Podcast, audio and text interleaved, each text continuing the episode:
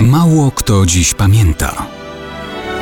Datownik historyczny prezentuje Maciej Korkuć.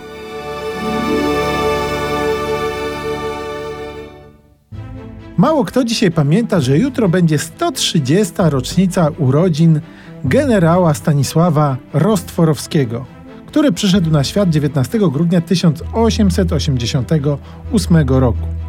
Była to rodzina z pięknymi tradycjami. Rostworowski studiował chemię rolniczą we Fryburgu, filozofię na krakowskim Uniwersytecie Jagiellońskim.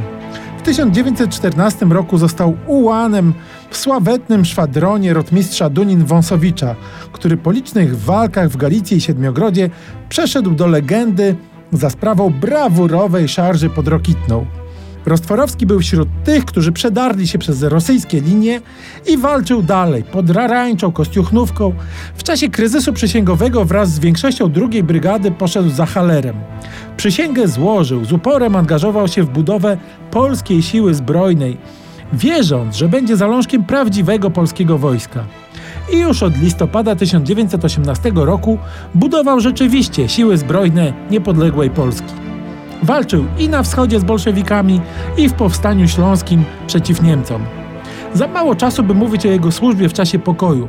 Mimo przejścia na emeryturę w końcu lat 30., w 1939 roku stanął do walk w obronie Kalisza i Warszawy. Po klęsce przez Łotwę wydostał się do Paryża. Pełnił ważne funkcje na styku dyplomacji i łączności, aby w końcu szlakiem kurierskim dostać się do okupowanego kraju pod pseudonimem Odra został m.in. dowódcą krakowskiego okręgu Armii Krajowej. Trafił w łapy Niemców, miał ponoć odmawiać im jakichkolwiek odpowiedzi i modlić się nieustannie. Kiedy przez niesławnego Heinricha Hamana został uderzony w twarz, ponoć oddał mu trzykrotnie, za co został wręcz zmasakrowany przez gestapowców. Jaki był dokładnie przebieg wydarzeń, pozostanie na zawsze pytaniem. Faktem jest, że z siedziby Gestapo na Pomorskiej w Krakowie Rostworowski żywy już nie wyszedł. Grobu generał Rostworowski nie ma, ale pamięć jesteśmy mu winni.